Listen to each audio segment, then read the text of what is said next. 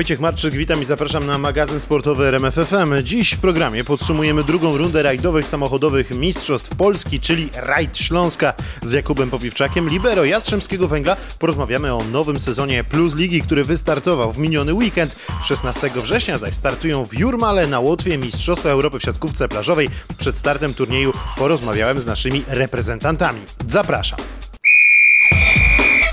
Jari Hutunen wygrał drugą rundę rajdowych samochodowych Mistrzostw Polski. Najszybszy na trasach rajdu Śląska okazał się właśnie Fin i wyprzedził o ponad 7 sekund Grzegorza Grzyba. Dwukrotny mistrz Polski wygrał 3 z 7 OS-ów. Hutunen okazał się lepszy na czterech i dzięki świetnej jeździe w drugiej części dnia zwyciężył w drugim rajdzie, bo wcześniej triumfował także na trasach rajdu rzeszowskiego, wyprzedzając właśnie także Grzegorza Grzyba. Niestety znowu jesteśmy drudzy, choć przyznam się szczerze, że jakby przed startem y, bardzo bardzo cieszyłbym się i brałbym ciemną pozycję na podium, bo zakładałem, że to będzie taki najtrudniejszy rajd dla mnie. Znałem go najgorzej, bo, bo nigdy w życiu tu nie startowałem. E, koledzy z Polski mieli tutaj dużo większe doświadczenie, ale jak e, pokazało życie, spisaliśmy się zupełnie nieźle. Do połowy rajdu potrafiliśmy być liderami, oczywiście z minimalną przewagą, ale jednak. No niestety na, drugim, e, na drugiej rundzie Jari przyspieszył, zdawaliśmy sobie z tego sprawę. My też się staraliśmy się, pojecha staraliśmy się pojechać szybciej, ale niestety odrobinkę wolniej niż kolega z Finlandii. No co, do trzech razy sztuka. Pojedziemy na Świdnicę i spróbujemy tam go ugryźć. No właśnie, zadecydowała ta druga pętla, bo tam ta przewaga, no zgubiłeś tam tą niewielką przewagę. Tak, no zdawałem sobie że sprawę, że tak może być, dlatego że e, Jari popełnił błąd na Warszawicach, tam stracił dwie sekundy, a przeszliśmy na zero, czyli był troszkę stępa szybszy. E, mi super poszedł drugi OS, e, ale też e, zazwyczaj nie jeździ się po raz trzeci odcinka specjalnego, no tutaj miał możliwość sobie go dobrze jeszcze prześledzić na, na onboardach i przygotować się do niego właśnie na to ostatnie, na tą ostatnią rundę. No nam już ciężko było szybciej pojechać, no i wygrał z nami jeszcze sekundkę, także to są tak małe różnice, że jeden błąd, ja na przykład wiem, gdzie w dwóch miejscach straciłem po sekundzie, no ale to naprawdę jest ciężko już wycisnąć. Można powiedzieć, że swojego rywala znasz bardzo dobrze, no bo sam mówiłeś na serwisie, że w Jari drugą część dnia zawsze jeździ lepiej. Tak, no i zarówno w Mistrzostwach Polski już to pokazał na rajdzie rzeszowskim, ale podobnie jest na Mistrzostwach Świata, gdzie pod, ta, ma taką po prostu taktykę jazdy, przy czym musimy pamiętać, że tą pierwszą rundę nie jedzie powoli. Także to tak nie działa, że on jedzie powoli, a później szybko. On jedzie cały czas bardzo szybko, a drugą jeszcze stawia tą kropkę na D, no ale mówię, Świdnica przed nami, już postanowiliśmy, jedziemy, także będziemy na pewno walczyć. Mówił Grzegorz Grzyb, start rywalizacji przespał Tomasz Kasperczyk, który na kolejnych odcinkach złapał jednak właściwy rytm i ostatecznie razem ze swoim pilotem Damianem Sytym stanęli na najniższym stopniu podium. Jestem zadowolony, e, były dwa pierwsze, było jedno drugie, brakowało mi tylko tego trzeciego do kompletu na rajdzie Śląska, więc jestem e, zadowolony. E, fajna zabawa przez weekend, fajna walka z chłopakami, na pewno Jary Hutunek, Grzegorz Grzyb cisnęli tak mocno, że ciężko było ich tam dogonić. No ale fajnie, kilka odcinków pojechanych naprawdę dobrym tempem i, i to nam na dzisiaj wystarczy. Na drugim odcinku specjalnym pecha miał Marcin Słobodzian, wpadł bowiem do rowu. Mimo, że kierowca z Krakowa razem ze swoim pilotem Robertem Hundlą próbowali odrabiać straty, rywalizację ostatecznie ukończyli na 13 miejscu. Niestety ten, ten jeden zakręt, który, mm, który jednak nie opisaliśmy tak jak powinniśmy, jednak nie zauważyłem, że tam jest, tam jest no, dość mocno ślisko. E, no ale takie są tutejsze asfalty. Raz jest mocno przyczepnie, raz z kolei jest właśnie ślisko i, i wszystkich miejsc e, czasem nie uda się wyłapać. No, niestety zapłaciliśmy za to srogą cenę, bo ponad 3 minuty e, w rowie. Szkoda, bo mogliśmy wyjechać praktycznie od razu. Niestety zabrakło tych paru osób, które mogłyby nam pomóc. No ale cóż, to są rajdy, czasem ma się trochę szczęścia, czasem trochę pecha. goniliśmy do samego końca. myślę, że później tempo było już fajne.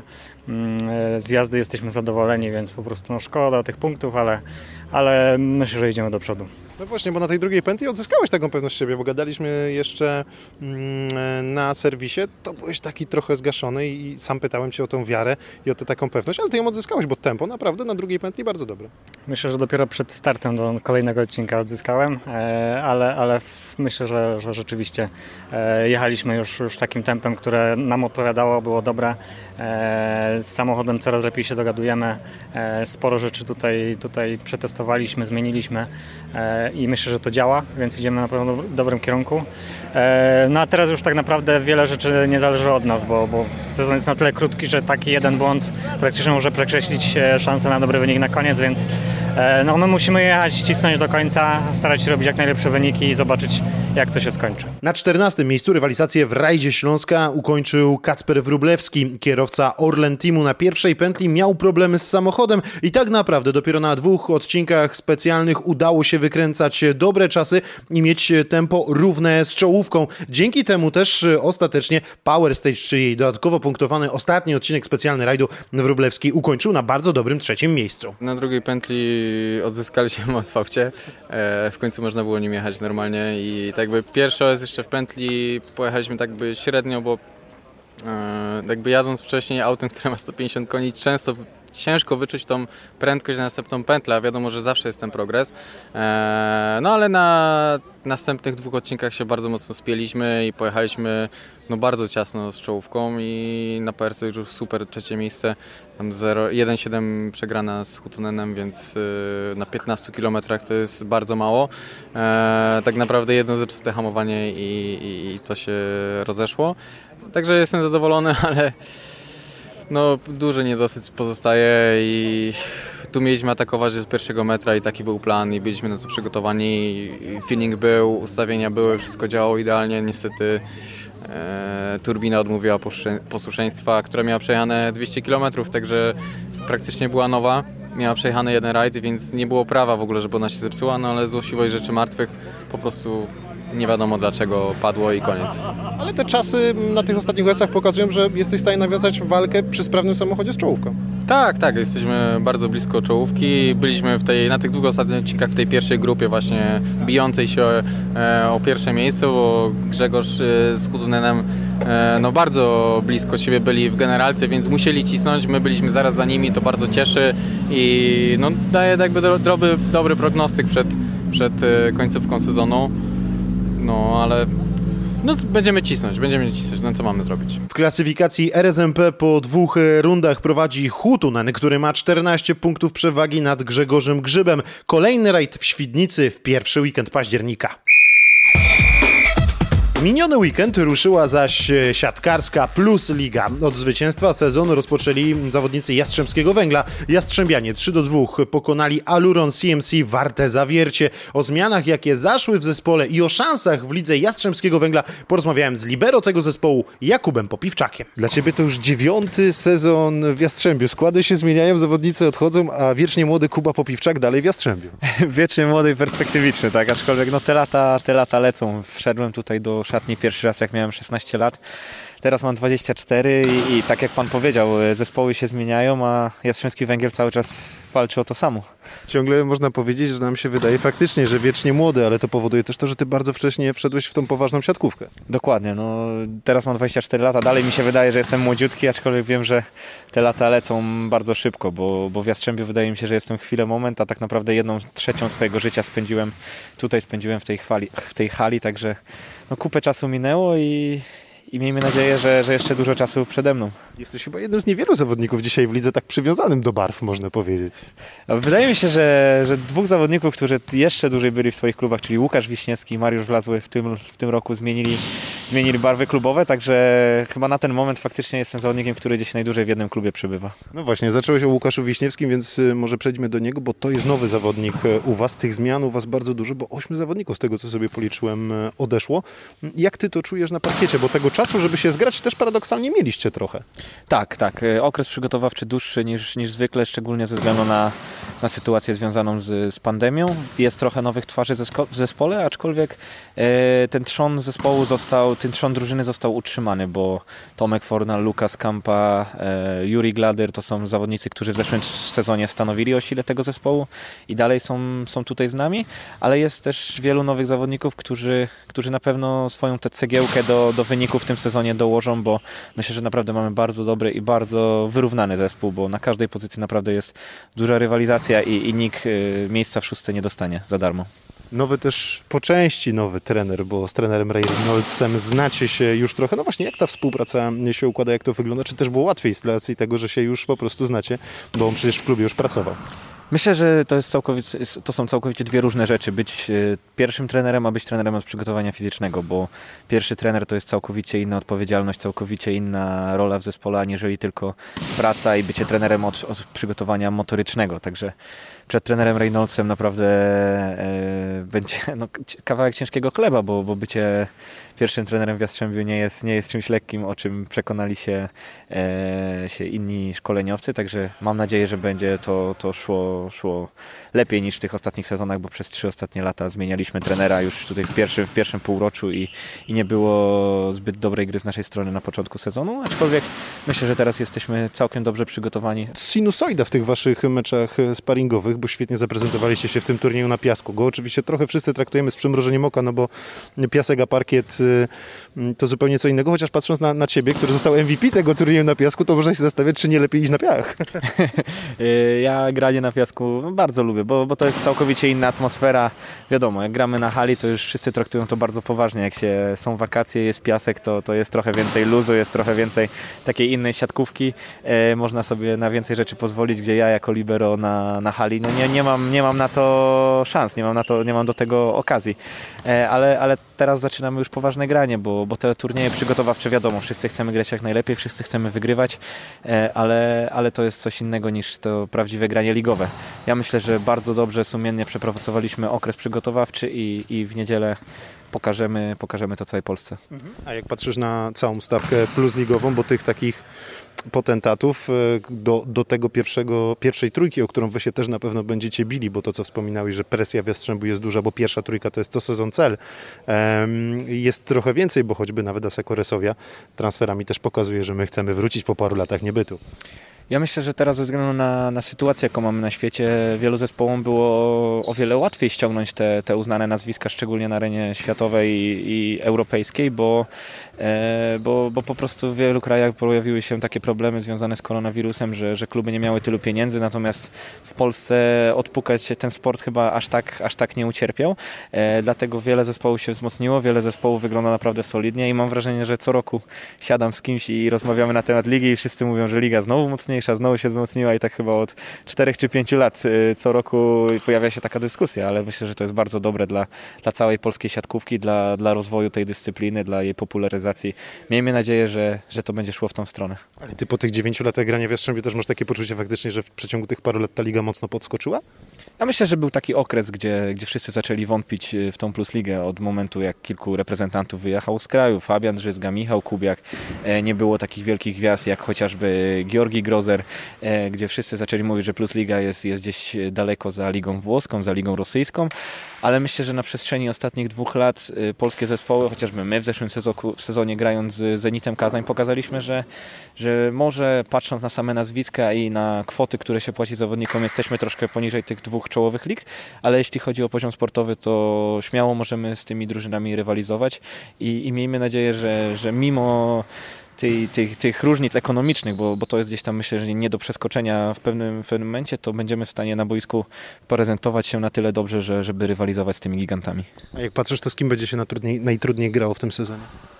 Myślę, że zawsze takim zespołem niewdzięcznym do gry, do gry jest Zaksa Kędzierzyn-Koźle. Myślę, że każdy to powie, bo prezentują taki typ siatkówki, że, że oni nie łapią dołków. Oni grają e, czasami lepiej, czasami gorzej, ale zawsze jest to w miarę stabilny, wysoki poziom i, i żeby z nimi wygrać trzeba naprawdę wznieść się na, na swoje wyżyny i to nie na seta czy dwa, tylko trzeba ten poziom trzymać naprawdę przez bardzo, bardzo długi poziom. Ale myślę, że oprócz Zaksy to, to jest kilka zespołów. No jest Warszawa, jest Skra, jest Resowia, które mają wielkie nazwiska, wielkich zawodników swoich swoich składach i, i na pewno będą straszyć, e, ale poza tym no, oprócz tych zespołów trzeba uważać na, na tych wszystkich innych, którzy będą chcieli straszyć, którzy będą chcieli zabierać punkty e, tym, tym najlepszym, bo, bo jak się gra z zespołami, które aspirują e, do mistrzostwa, no to, to po prostu wychodzi się z podwójną motywacją i, i chce się zbić każdy z tych zespołów. Ja mam wrażenie, że dla Was ten ubiegły sezon przez pandemię skończył się w trochę w niewdzięcznej sytuacji, bo byliście naprawdę tacy mocno naładowani zwycięstwami, choćby nawet z Kazaniem i takiej, tacy byliście na fali wznoszącej, także te zakończenie sezonu chyba na Was no, tak psychicznie nie najlepiej wpłynęło. Co prawda e, z jednej strony się z panem zgodzę, aczkolwiek e, ostatni mecz w sezonie przegraliśmy w Katowicach i nie były wcale e, aż takie dobre nastroje w naszej szatni, także na pewno, na pewno patrząc na przebieg tak jakby całego sezonu, na to jakie mecze potrafiliśmy rozgrywać, to naprawdę szkoda, bo, bo myślę, że mogliśmy realnie myśleć o, o złotym medalu. No ale z drugiej strony wszystkich E, wszystkich ta sytuacja myślę, że zaskoczyła. Nikt się nie spodziewał, że, że tak to się potoczy, że, że nagle nas, nasz świat się za, zatrzyma, sportowy świat się zatrzyma na, na kilka miesięcy i, i po prostu znikniemy, że tak powiem, z tego, z tego życia e, publicznego, ale trzeba zaakceptować sytuację, trzeba się od, do, do te, w, tym, w tym świecie dzisiejszym odnaleźć i już myśleć o kolejnym sezonie, bo to co było no, nie ma już najmniejszego znaczenia. No przechodząc do tego, co jeszcze w tym sezonie, to dla Was chyba takim... E chcecie, będziecie chcieli w tych rozgrywkach coś udowodnić. Chodzi mi o Ligę Mistrzów, bo mm, no, radziliście sobie w niej świetnie w zeszłym sezonie. Tak jak wspominaliśmy, dwa zwycięstwa z Zenitem.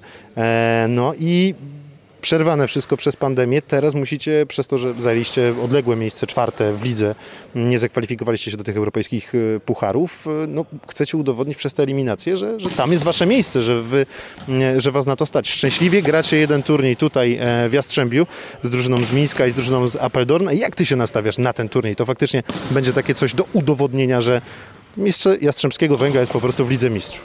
A myślę, że e, że na pewno będziemy faworytem tego turnieju i że jedyną opcją, jaką widzi Jastrzębski Węgiel jest to, żeby po prostu awansować do fazy grupowej Ligi Mistrzów, bo nikt z nas zawodników, ani tutaj z, z otoczenia klubu nie, nie wyobraża sobie, że tak się nie stanie. Także będziemy musieli wyjść na boisko i po prostu potwierdzić swoje, swoje wielkie możliwości, swoje wielkie aspiracje, które, które ma ten klub, bo, bo gdzieś to, co w zeszłym sezonie pokazaliśmy, to tak jak mówiliśmy, fajne wyniki, fajna gra, wiele emocji dla, nie tylko dla jastrzębskich kibiców, ale dla, całych, dla całej polskiej siatkówki, ale to, co było, to już jest za nami. Teraz musimy walczyć o, o wejście do, do tej fazy grupowej, a, a te zespoły, które przed nami e, staną, na pewno się nie położą, na pewno będą walczyć, ale my jako, jako duży klub musimy po prostu wyjść na boisko i zrobić swoje, no bo, bo teraz tylko to nam pozostało. Paradoksalnie chyba dobrze, że gracie tylko jeden turniej jeszcze we własnej hali. Z jednej strony tak, ale z drugiej strony wiadomo, jeden mecz to jest zawsze gdzieś tam jakaś loteria, bo, bo nagle może komuś wyjść dzień konia, ktoś może zaskoczyć, zagrać jak, jak nigdy wcześniej, ale z drugiej strony myślę, że tak jak powiedziałem wcześniej, mamy na tyle mocny zespół, na tyle e, doświadczony zespół, że, że będziemy faworytem w tym turnieju i nikt z nas nie wyobraża sobie, żebyśmy mogli do, do tej fazy grupowej Ligi Mistrzów nie awansować. Jak patrzysz na to, co jest e, w szatni, to ten zespół jest mocniejszy od tego, e, co mieliście w zeszłym sezonie? E, myślę, że że to by było nie fair oceniać, bo, bo mówić na ten moment, czy, czy my będziemy grali lepiej, czy gorzej niż w zeszłym sezonie, to, to, to byłoby troszkę jak wróżenie z fusów. Na pewno Chodzi mi o takie poczucie też na treningach, że y, szybko, mówisz, że szybko złapaliście zgranie, wszystko zaczęło się układać. Te wyniki w tych mm, meczach testowych też pokazywały, że, że naprawdę potraficie wejść na tak wysoki poziom jak w zeszłym sezonie. No myślę, że na pewno na początku dużą różnicą jest to, że, że wszyscy są w miarę zdrowi, bo, bo w zeszłym sezonie to był bardzo, nasz, bardzo nam to doskwierało, że, że mieliśmy mnóstwo problemów zdrowotnych. Julian Linel, który praktycznie przez cały sezon zagrał może z pięć meczów. E, Rafa Winiedo, który po kilku dniach okresu przygotowawczego zaczął mieć problemy, które już mu doskwierały do momentu, w którym tak naprawdę rozstał się z klubem i zakończył swoją sportową karierę. I bardzo dużo było wahań, bardzo dużo dziś zawodników przyjeżdżało, którzy z nami trenowali, co nie pozwalało na taki spokojny, e, równy trening, e, a w tym sezonie no, od, od, początku się spotkaliśmy prawie w pełnym składzie, bo, bo nie było tych rozgrywek reprezentacyjnych e, i trenujemy myślę naprawdę na wysokim poziomie, bo, bo tutaj na każdej pozycji mamy co najmniej dwóch na libero na rozegraniu, e, trzech, czterech mocnych zawodników na, na innych pozycjach, co, co jest naprawdę ogromnym handicapem, bo te treningi wyglądają naprawdę dobrze i tylko jeżeli będziemy w stanie to przełożyć na mecze, z czym do tej pory w tych meczach przygotowawczych bywało różnie, y, to myślę, że będziemy ciężkim przeciwnikiem dla, dla każdego. Cel to strefa medalowa. Tak, no myślę, że, że po to jest tutaj budowany tak mocny zespół, po to są e, wkładane naprawdę bardzo duże pieniądze w ten, w ten klub, to, to tylko po to, żeby zdobywać medale i, i myślę, że tutaj nad nami wiszą pro, proporcy, pro, proporczyki odnośnie tego, co zdobywaliśmy w poprzednich latach, no to wreszcie chcielibyśmy przełamać ten brąz, bo, bo tyle tych brązów już było, ja chyba mam 4 czy 5 brązowych medali tutaj w Jastrzebiu, co, co nie do końca mnie satysfakcjonuje, bo myślę, że ten klub zasługuje na to, żeby, żeby walczyć o, o jeszcze wyższe cele. A cel daje Kuba Popiwczaka na ten sezon? E, myślę, że, że w siatkówce jakieś indywidualne cele, no to, to się gdzieś chowają. Jak na piasku miałem troszkę większy wpływ na to, jak to wyglądało, tak na hali wiadomo, każdy zawodnik jest ważny, ale, ale to jest gra zespołowa, jest nas siedmiu na boisku, e, sześciu na boisku plus, plus libero, jest e, pozostałych siedmiu chłopaków stojących z boku, którzy w każdej chwili mogą wejść i pomóc, także Myślę, że przede wszystkim cel zespołu, którym jest, tak jak powiedziałem, gra o, o złoty medal, bo myślę, że jesteśmy w stanie, a, a, dla mnie ja chciałbym, chciałbym stawać się coraz lepszy, chciałbym pomagać zespołowi i chciałbym, chciałbym cały czas być blisko tej kadry i, i coraz bardziej coraz bardziej niej zaistnieć, bo, bo myślę, że, e, że jestem na tyle dobry, że, że mogę o tym myśleć. Kadra w sensie reprezentacji. Tak, tak, kadra, kadra czyli reprezentacja Polski, bo, bo miałem gdzieś tam e, swoje epizody w tej reprezentacji. E, na ten moment, e, na ten moment są jeszcze ode mnie lepsi, ale, ale na co dzień chcę się stawać, chcę się stawać coraz lepszym, coraz bardziej pewnym zawodnikiem, żeby, żeby gdzieś w tej kadrze reprezentacji zaistnieć na, na dłuższy czas. No bo tak sam wywołałeś trochę temat reprezentacji, to już na koniec pytając, no bo tak patrząc w tej układance dzisiaj, to jesteś dziś trzecim libero do wyboru. Tak, tak, no ewidentnie trener Heinen stawia na, na Pawła Zatorskiego, na Damiana Wojtaszka, którzy są są no, e, na ten moment najlepszymi zawodnikami w Polsce. Ja zawsze starałem się deptać e, im po piętach. Myślę, że momentami byłem bardzo blisko, momentami troszkę, troszkę dalej, bo, bo jeszcze wiadomo, że, e, że ta forma się czasami waha, tak jak mi, tak, tak im, ale jednak oni na ten moment są, są w kręgu zainteresowań trenera Heinena. Ja jestem troszkę dalej, ale nie, na pewno się gdzieś tam nie zrażam tym, bo, bo znam swoje miejsce, ale znam też swoje możliwości, znam, e, znam że tak powiem, e, e, ten swój potencjał, wiem, wiem co mogę osiągnąć, wiem na jakim poziomie mogę grać, wiem, że mogę gdzieś tam im e, zagrażać i, i mam nadzieję, że, że ta kadra, tej kadry w końcu się doczekam. Ale myślisz realnie o wyjeździe na Igrzyska? E, bardzo realnie myślałem jeździe na igrzyska, aczkolwiek tak jak powiedziałem, no, tych dwóch zawodników na ten moment jest, e, jest zdecydowanie przede mną e, w hierarchii Vitala Heinena. Ja to akceptuję, ale różne ale rzeczy nie odpuszczam, nie zniechęcam się, nie, nie zwieszam głowy. Jeżeli trener Vital Heinen do mnie zadzwoni, to ja zawsze chętnie pojawię się w spale, zawsze chętnie pojadę na zgrupowanie i będę dawał z siebie maksa. A jeżeli gdzieś z jakichś różnych przyczyn pojawi się okazja, żeby pojechać na igrzyska, to to, to będzie spełnienie moich marzeń. 16 września w Jurmale na Łotwie rozpoczną się Mistrzostwa Europy w siatkówce plażowej. Przed startem turnieju porozmawiałem z Katarzyną Kociołek, która na Mistrzostwach wystąpi w parze z Agatą Cejnową, z którą w tym roku zdobyła razem w parze tytuł Mistrzyń Polski. Nie wiadomo do końca jak to będzie wyglądało, e, nie wiemy tak naprawdę jeszcze czy będzie punktowany ten turniej, więc czekamy troszkę na jakiekolwiek informacje, no ale tak czy siak my jedziemy tam, żeby grać i żeby grać jak najlepiej. E, mogłyśmy się już zmierzyć z tymi parami pojedynczymi pojedynczymi, które będą na tych Mistrzostwach Europy, także e, no ja, ja jakby grałam tak wcześniej z Kingą, ale Agata też mogła liznąć jakby tego poziomu, więc e, super, że, że miałyśmy taki przedsmak Mistrzostw Europy, więc myślę, że pojedziemy tam po prostu bawić się dobrze na boisku i grać jak najlepiej. Nieodzowny element tego turnieju to będą też testy, bo jeden przejdziecie test zaraz tam po, po przylocie. E, tak, no miałyśmy, mamy już dwa testy lub nawet więcej za sobą, bo na samym początku jak jechałyśmy do Spały, to miałyśmy na zgrupowanie, to miałyśmy test. E, później e, miałyśmy w Hamburgu na e, niemieckim turnieju też, mia też miałyśmy test, więc nie jest to nam obce, także po prostu musimy jechać, mieć, trzymać kciuki, że, że wszystko będzie ok, że będziemy mogły wystąpić na tym turnieju i po prostu grać. Po doświadczenie na turniej jadą także mistrzowie kraju Michał Bryl i Mikołaj Miszczuk. Bryl gra w tym sezonie właśnie z Mikołajem Miszczukiem z powodu kontuzji Grzegorza Fijałka. Myślę, że podchodzimy w ten sam sposób jak na Mistrzostwach Polski. Po prostu chcemy się dobrze zaprezentować, chcemy grać swoją dobrą grę. Yy, oczywiście wszyscy chcą, żeby Mikołaj mógł już się ogrywać na tym poziomie Mistrzostw Europy. Ja będę go wspierał i po prostu zobaczymy jak to wyjdzie. Tak? Taki jakiś stresik przed tym europejskim czempionatem jest? Czy powiem tak, że no zawsze jest lekki stres, bo to jednak nie oszukujmy się, jest to duża impreza, ale podejdę do tego turnieju, powiedzmy tak, ka każde jakby następne doświadczenie. Czyli trochę podejście jak w finale Mistrzostw Polski na pewnym luzie. Na pewno, bo też nie będziemy żadnymi faworytami, także nie mamy nic do, do stracenia, będziemy walczyć. W turnieju zobaczymy jeszcze dwie polskie pary Piotra Kantora i Bartosza Łosiaka oraz Monikę Brzostek i Aleksandrę Gromadowską. A na dziś w magazynie sportowym to już wszystko. Na kolejnym zapraszam już za tydzień.